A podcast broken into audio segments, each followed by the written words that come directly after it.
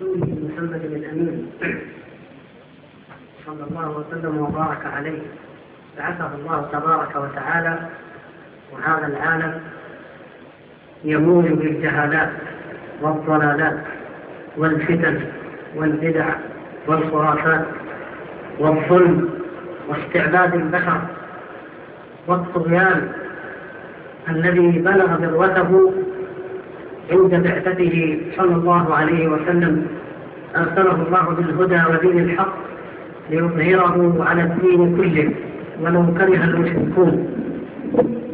أرسله الله عز وجل ليقول للعالم إن هذا الدين جاء لينسخ ما قبله وما أرسلناك إلا رحمة للعالمين.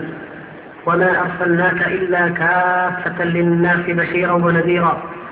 وليقول لهم إن الظلم والبغي والعدوان والطغيان وعبودية البشر من الأباطرة والملوك والأحبار والرهبان كل ذلك قد انقضى زمانه وولى على عقبيه بظهور شمس الهدى والتوحيد.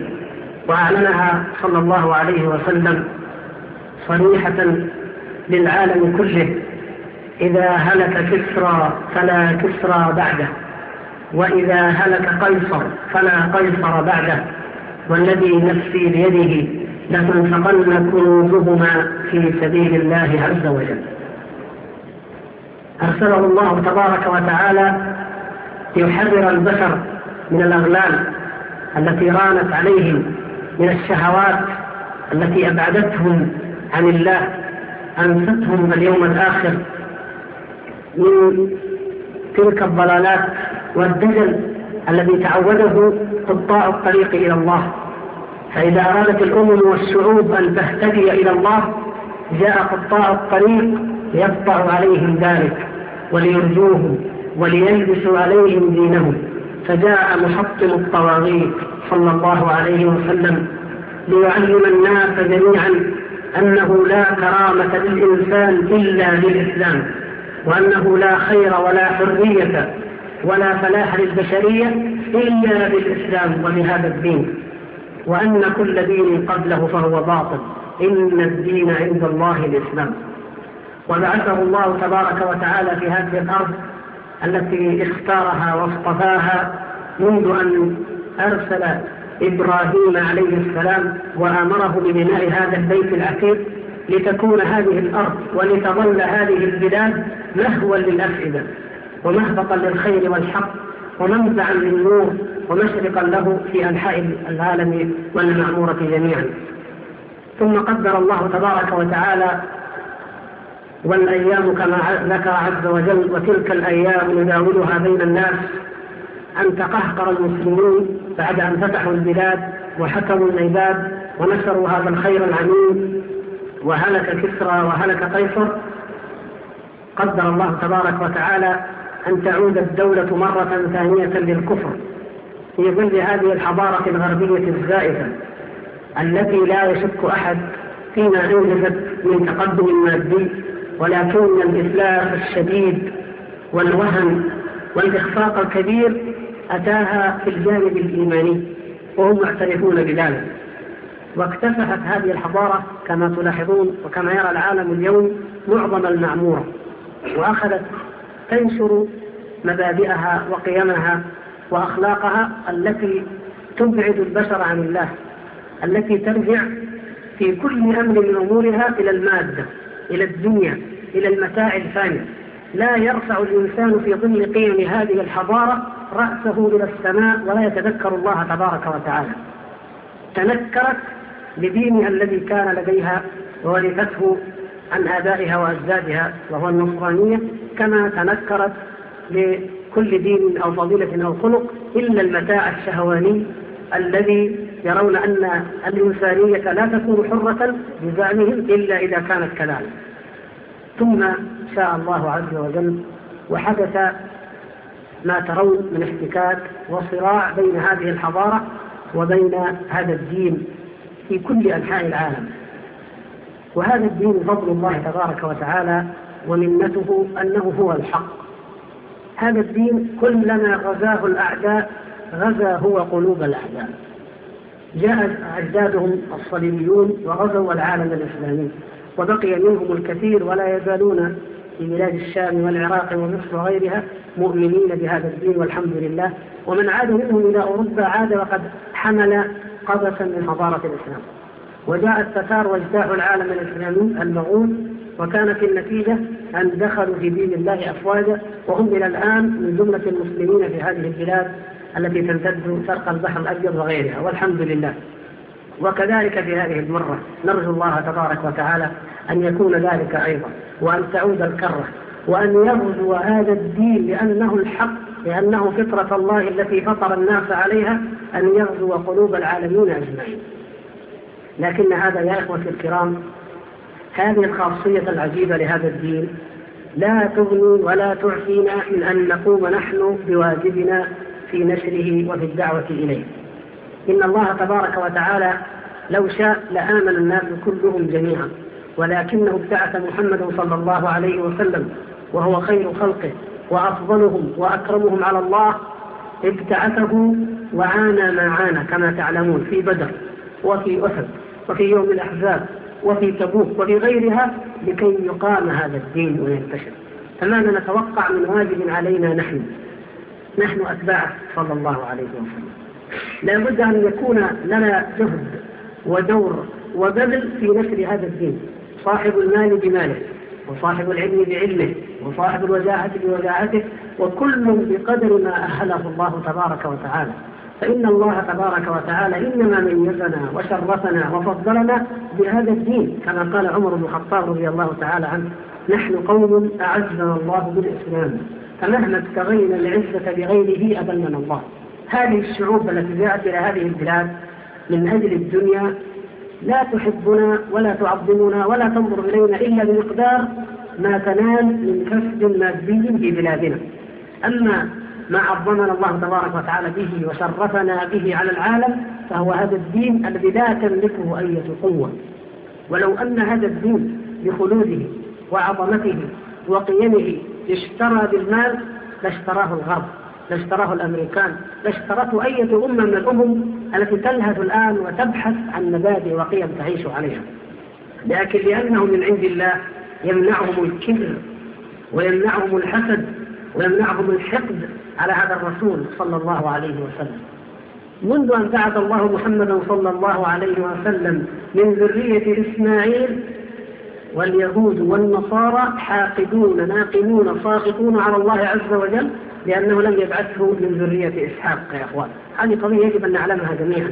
ولذلك الله تبارك وتعالى ذكر في سورة الجمعة هو الذي بعث بالأميين رسولا منهم يتلو عليهم آياته ويزكيهم ويعلمهم الكتاب والحكمة. انظروا هذا المنة ثم ذكر بعد ذلك مثل الذين من قبلنا وهم اليهود والنصارى ولا سيما اليهود وضرب مثله كمثل الحمار يحمل أسفارا لماذا؟ لأنهم لم يقوموا بأمانة الكتاب فنقل الله تبارك وتعالى النبوة ونقل الاصطفاء إلى فرع إسماعيل عليه السلام فكان محمد صلى الله عليه وسلم.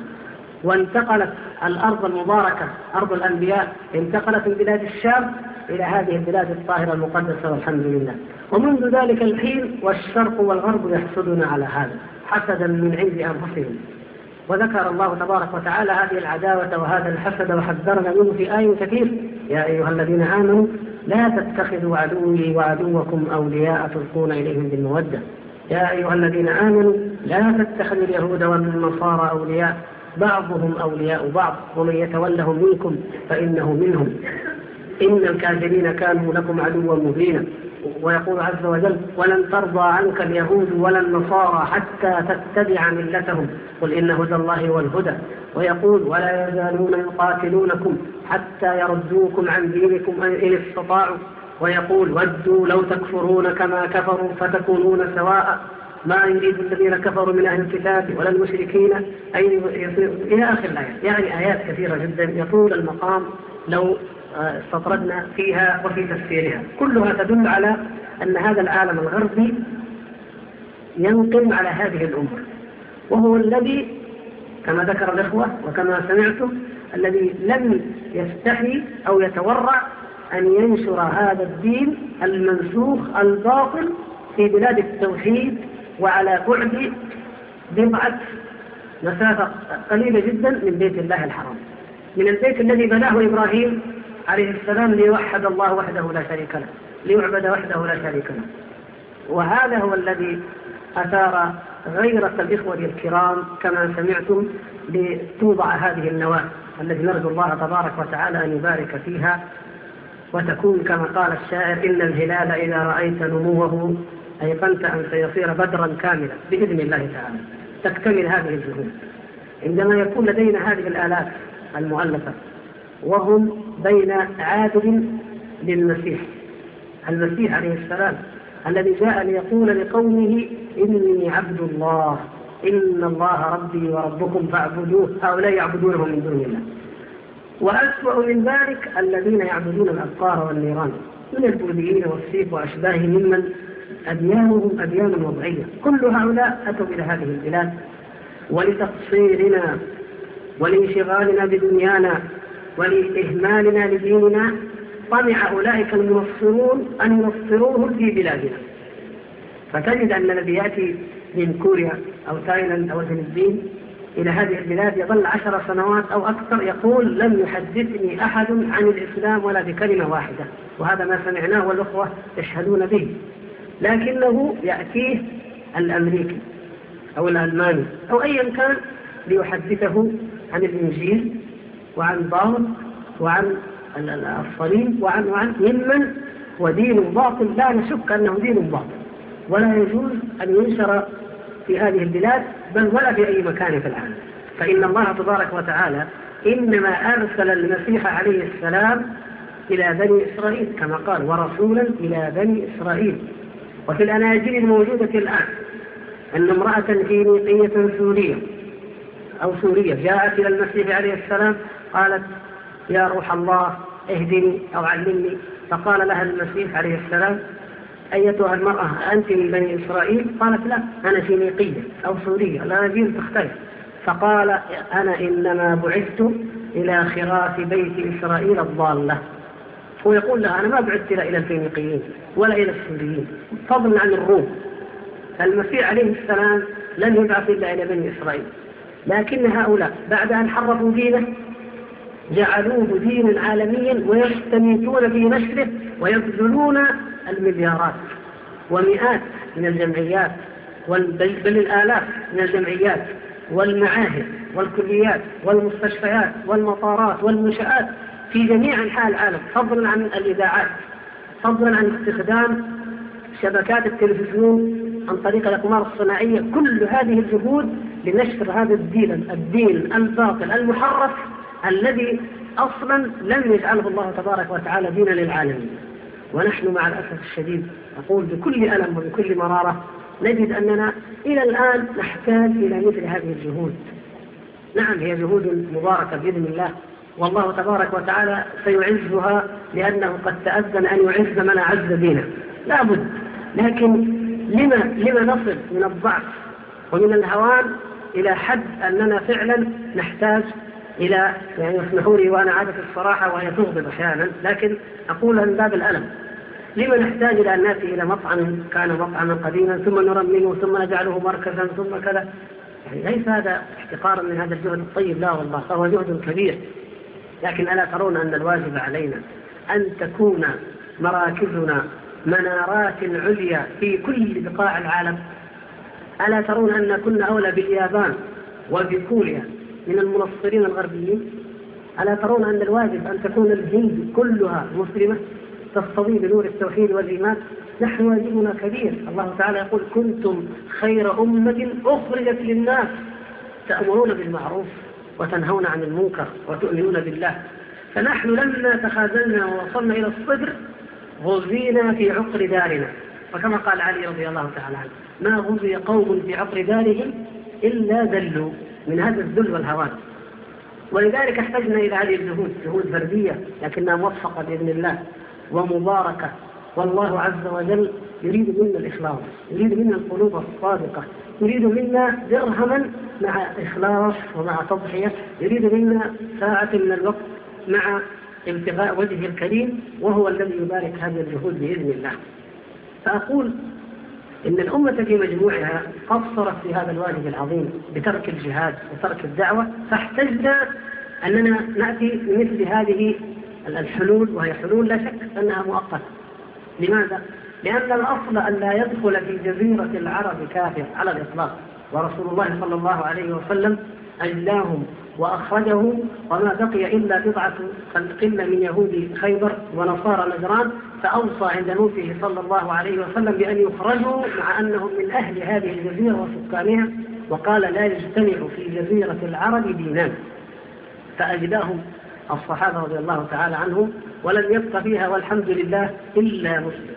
حتى أن عمر رضي الله تعالى عنه لما احتاج المسلمون إلى بعض بضائع من الروم والنبط وغيرها جعل لهم ثلاثة أيام يأتون بظاهر الحرة في المدينة بعيدا عن الحرم على طرفه ويبيعون لمدة ثلاثة أيام ثم يرحلون ولا يعطون إقامة دائمة في هذه الجزيرة لأنها جزيرة الإسلام وجزيرة التوحيد.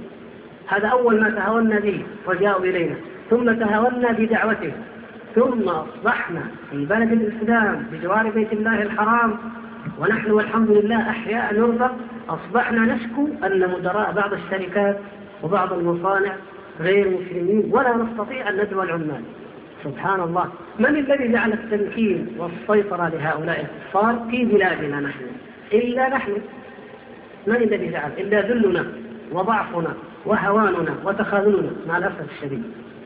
وإلا هؤلاء كان الواجب أن لا يدخلوا أصلا فإن دخلوا لضرورة فبذل وبمسكنة ولا يتعدى أحد منهم أوره وعمله.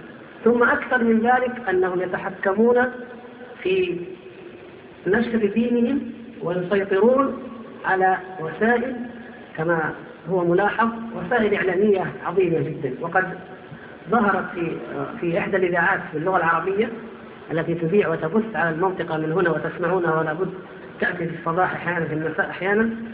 رسالة يقرؤونها من رجل يقولون إنه كان طالبا في المدينة وتعلم فيها ثم انتقل إلى مكة ثم بعد ذلك تبين له أن هذا الدين باطل وهو دين الإسلام ثم راسل جمعيته وأرسلوا إليه الكتاب المقدس ثم اهتدى للدين الصحيح فهو النصراني.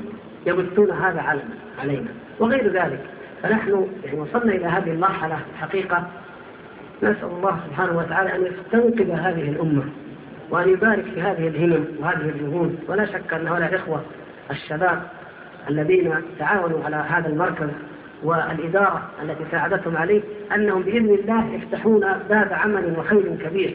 وكذلك الإخوان من أصحاب المصانع الذين عليهم أمانة كبرى في مقاومة هذا الشر بل في نشر الخير بين المؤمنين. فالواجب كبير جدا. المسلم كما أشار الإخوة وسأل بعضهم جزاهم الله خيرا المسلم يحتاج إلى أن يعلم دينه. فكيف إذا جيء بغير المسلم. المسلم الذي ربما تكون فيه بعض العادات السيئة والأخلاق الذميمة لا يصلح أن يأتي إلى هذه البلاد فكيف بالكافر أما أنهم قد جاءوا وأنهم ها هنا ولا بد فنعم ولا يكلف الله نفسا إلا وسعها لكن لابد أن نذكر بالأصل. الواجب أن نبذل جهدنا بدعوتهم وأن نتعاون جميعا في أن يكون هذا المركز نواة ليكون في كل مصنع بإذن الله مثله أو أكبر. بقدر الحاجة وهي كبيرة جدا. نتعاون جميعا. الإخوة الدعاء والحمد لله آه، حضر بعض الإخوة المندوبين الأحياء ويمثلون الدعوة المحتسبة في جدة. يجب عليهم أن يتنبهوا إلى هذا. وأبدأ بنفسي. نحن والحمد لله في قسم العقيدة بجامعة من القرى وغيره في كلية الدعوة وغيرها. نحن مستعدون إن شاء الله للتعاون. والحمد لله لدينا مدرسون ولدينا طلاب من فضل الله يريدون لغات عدة وهم من آه، أكثر من 40 دولة أو أكثر لدينا في الجامعة جميع اللغات والحمد لله. وحتى منهم الإخوة الذين أسلموا حديثا. وبالأمس كنت مع مع أحدهم. أنا أحكي لكم فقط يعني قصة هذا الأخ. هذا رجل كان يتقاضى شهريا ما يعادل أو ما يقارب 25 ألف ريال مع سكن ومع سيارة ومع تهيئة كاملة ليصبح قسيسا كبيرا في بلاده في إحدى جمهوريات أفريقيا الوسطى.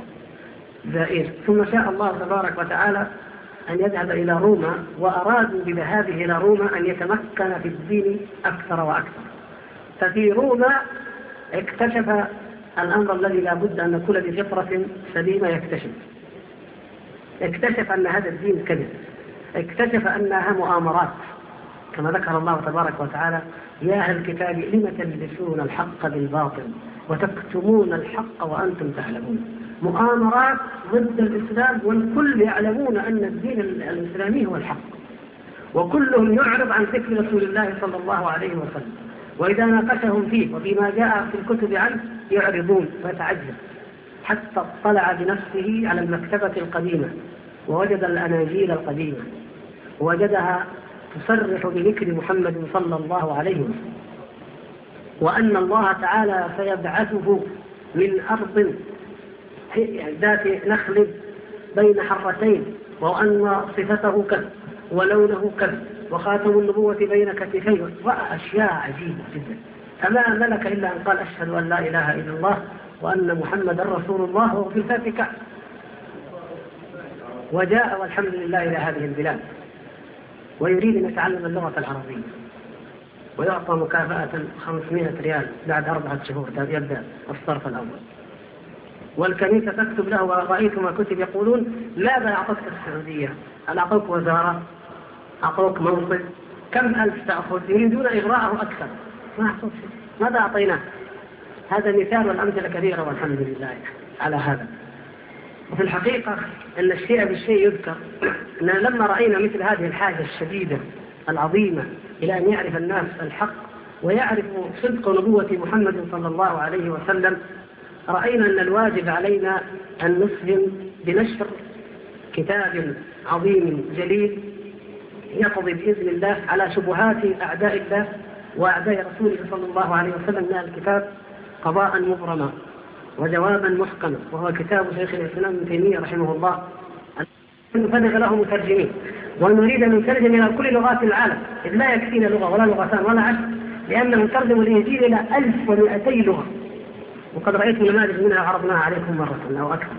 فأقول عندما عندما تتخيلون هذا المشروع كم تتخيلون أنه يستتبع من الجهود ومن النفقات ومن التكاليف ومن الأعباء أخذت فقط نموذجا واحدا وهو أن أن ترجمته إلى اللغة الإنجليزية بعدد قد لا يقل أو يجب أن يصل إلى 500 ألف نسخة لأن لدينا أكثر من عشرة آلاف جامعة وكلية في أمريكا وأوروبا يجب أن يصلها الكتاب مجانا ولا يقل عن نسختين أو ثلاث.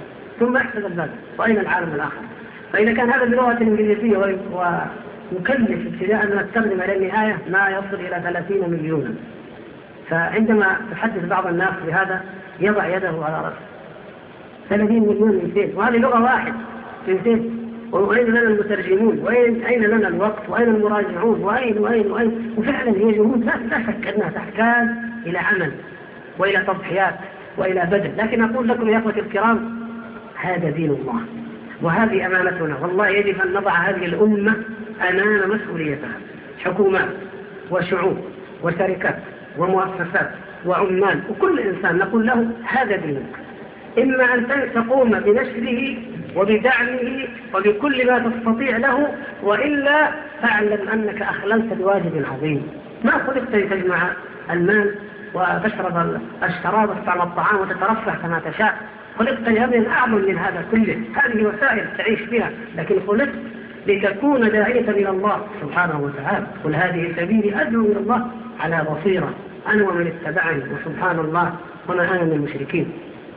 فلا يحقرن أحد منا جهدا. لابد أن نتعاون جميعا وأن نبدأ. البدايات دائما صعبة وشاقة ولكنها بإذن الله هي التي تكسب في النهاية لأنه كما قال صلى الله عليه وسلم من دعا إلى هدى فله أجر وأجر من عمل به إلى قيام الساعة. لا ينقص ذلك من أجورهم شيئا. وكذلك من دعا إلى ضلالة فعليه وزرها ووزر من عمل بها. نسأل الله العفو والعافية. فنريد إن شاء الله يا إخوان جميعا أن نحيي في هذه الأمة أن نوقظ فيها روح الإيمان والتضحية أن أن تعرف عظمة دينها وعظمة رسولها صلى الله عليه وسلم أن تحس أن واجبها كبير وأنها هي التي ائتمنها الله تبارك وتعالى على هذا العالم. كنتم خير أمة أخرجت للناس وكذلك جعلناكم أمة وسطا لتكونوا شهداء على الناس ويكون الرسول عليكم شهيدا نجعل المرأة العجوز الشيخ الكبير العامل الصغير كل إنسان في هذا المجتمع يشعر بواجبه كما شعر أجدادنا من قبل أين أجدادنا؟ الصحابة رضي الله تعالى عنهم لما خرجوا من هذه البلاد أجدادنا أين هم الآن؟ أين قبورهم؟ أبو أيوب الأنصاري قبره هنالك القسطنطينية الذين قبورهم في في بلاط الشهداء في فرنسا الذين قبورهم في السن في خراسان. أي لماذا؟ لأنهم خرجوا بأموالهم وأنفسهم يدعوا إلى الله ينشروا هذا الدين. فأعزهم الله وأظهرهم وأورثهم الأرض. هذا فضل الله. ولقد كتبنا في الزبور من بعد الذكر أن الأرض يرثها عبادنا الصالحين. لو أن الصحابة رضي الله تعالى عنهم أرادوا أن يسابقوا الروم أو الفرس في الحضارة والصناعة والتقدم متى يلحقوا بهم؟ متى؟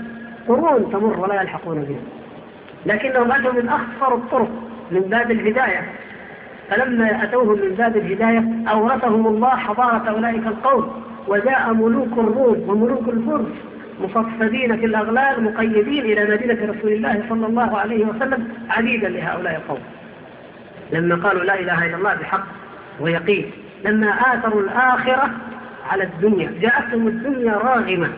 حتى كان المال يوسع فلا يجد من يأخذه. في أيام عمر بن الخطاب بل في أيام عمر بن عبد العزيز رضي الله تعالى عنه. لما أرادوا الآخرة. لكن لو أرادوا الدنيا متى انظروا نحن الآن متى نستطيع أن ننافس أمريكا؟ ولا ولاية من ولايات أمريكا نستطيع أن ننافسها في الدنيا. حتى ما عندنا من مصانع أو أشياء فالغالب أن كثيرا منها مستورد. حتى الآلات حتى كذا. إذا متى متى إذا نحن نسابق في طريق طويل ولدينا طريق والله أسهل وأقل تكلفة ولكنه أعز وأشرف وأعظم وهو اللائق بهذه البلاد. لا نقول تكفر المصانع لا يخطط الكلام ولا نقول نترك الحضارة المادية لا نحن أولى بها. لكن نقول يجب أن نعلم لماذا خلقنا أصلا ولماذا يجب في ماذا يجب أن تسخر هذه الجهود وهذه الإمكانيات. ولا نقدم عليها أي شيء. إذا تعارضت دنيانا مع هذا الدين نقدم ديننا ونبذل من أجل ديننا وهذه الدنيا إنما هي تبع له. إذا كنا كذلك فالله تبارك وتعالى لن يضيعنا ولن يخيبنا. فسوف ننال السعادة والراحة والطمأنينة في الدنيا والله. وأما أولئك فإن الله تبارك وتعالى أخبرنا عنهم ومن أعرض عن ذكري فإن له معيشة ضنكا. والله لا يعيشون إلا معيشة الضنك. الجرائم المخدرات الانهيارات الدمار الخلقي وما لا يدخل تحت الحصر من سوء الحياة والمعيشة ثم لنا عليهم الفضل عند الله بالجنة وماذا نريد أعظم من الجنة؟ الجنة يا إخوة الكرام هي التي بايع النبي صلى الله عليه وسلم أصحابه الأنصار لما بايعوا ليلة العقبة. قالوا وما لنا يا رسول الله؟ قال لكم الجنة. قالوا ربح البيع لا نقيل ولا نستقيم. الجنة موضع صوت أحدنا في الجنة كما أخبر النبي صلى الله عليه وسلم خير من الدنيا وما فيها خير مما طلعت عليه الشمس. لاحظ نحن الآن نتنافس نتسابق على مساحة من الأرض إذا كانت مئة ألف متر أو مليون متر. خير من الدنيا كلها موضع صوت في الجنة. نحن الآن نتنافس عن مشروعات ما المشروع الذي إذا وضعته الآن ينتج مثلا بعد سنة ربح 20% 30% كلنا نتسابق عليه. أتعلمون يا إخوة الكرام أن الجنة كما أخبر النبي صلى الله عليه وسلم الجنة قيعان وغراسها ذكر الله. الجنة قيعان ذكر الله تبارك وتعالى. إذا قلت سبحان الله والحمد لله ولا إله إلا الله والله أكبر كل كلمة من هذه الكلمات يغرس لك بها نخلة أو شجرة في الجنة رأسا مثمر شجر الجنة. وليس شجر الدنيا سبحان الله العظيم. ولذلك يقول الله تبارك وتعالى المال والبنون زينة الحياة الدنيا المال المؤسسات الشركات الثروات زينة الحياة الدنيا. والباقيات الصالحات خير عند ربك ثوابا وخير املا. ما هي الباقيات الصالحات؟ جاء في الحديث الباقيات الصالحات سبحان الله والحمد لله ولا إله إلا الله والله أكبر. هذه خير من الملك. وخير من الوزارات وخير من الشركات وخير من الثروات. ولا تتعارض معها لكن اجعل مع هذا المال اجعل معه هذا الذكر. كما أوصى الله تبارك وتعالى وبين في وصيته العباد الصالحين الذين نصحوا قارون وابتغ فيما آتاك الله الدار الآخرة ولا تنس نصيبك من الدنيا وأحسن كما أحسن الله إليك. هكذا ينبغي أن يكون الإنسان المسلم بماله. قل من حرم زينة الله التي أخذ لعباده والطيبات من الرزق. ما حرمها الله على عباده المؤمنين. لكن يجب أن نسخرها لخدمة الخير والحق. فأنا الحقيقة لا أحب أن أطيل على الإخوة. لكن لا يسعني إلا أن أشكر الإخوة الكرام من المسؤولين الإداريين وكذلك القائمين على المركز وكذلك الإخوة أصحاب المصانع والحضور جميعا. وأسأل الله سبحانه وتعالى أن يجمعنا وإياهم دائما في مجمع خير يعز الله تعالى به هذا الدين. وينصر به هذه الدعوة وأن يجعلنا جميعا جنودا لدعوته وخداما لدينه وأن يجعلنا ممن يستمعون القول فيتبعون أحسنه. ثم إن أنا أكرر أن بنفسي وبإخواني من نستطيع من طلابنا في مكة نحن نعتبر أنفسنا خداما لنشر هذه الدعوة وعلى الإخوة الكرام أن لا يترددوا فنحن مستعدون إن كان مدرسين إن كانت اقتراحات إن كانت استشارات علمية إن كانت ترجمات فلعل المشروع الذي حدثتكم عنه إذا تم إن شاء الله سوف نستخرج من الكتاب دائما موضوعات وننشرها بطبعات تمهيدية ونوزعها على المراكز الدعوية لأن الكتاب لا يعلم النصارى فقط يرد عليهم فقط واليهود بل يعلم المسلمين أيضا حقيقة دينهم. وهذه جهود متكاملة مع بعض ونحن كلنا خدم وخدام وجنود لهذه الدعوة وكلنا في هذه الخدمة سواء وأشرفنا وأكرمنا عند الله أكثرنا خدمة لدينه ومحبة لرسوله صلى الله عليه وسلم والحمد لله رب العالمين وجزاكم الله خيرا.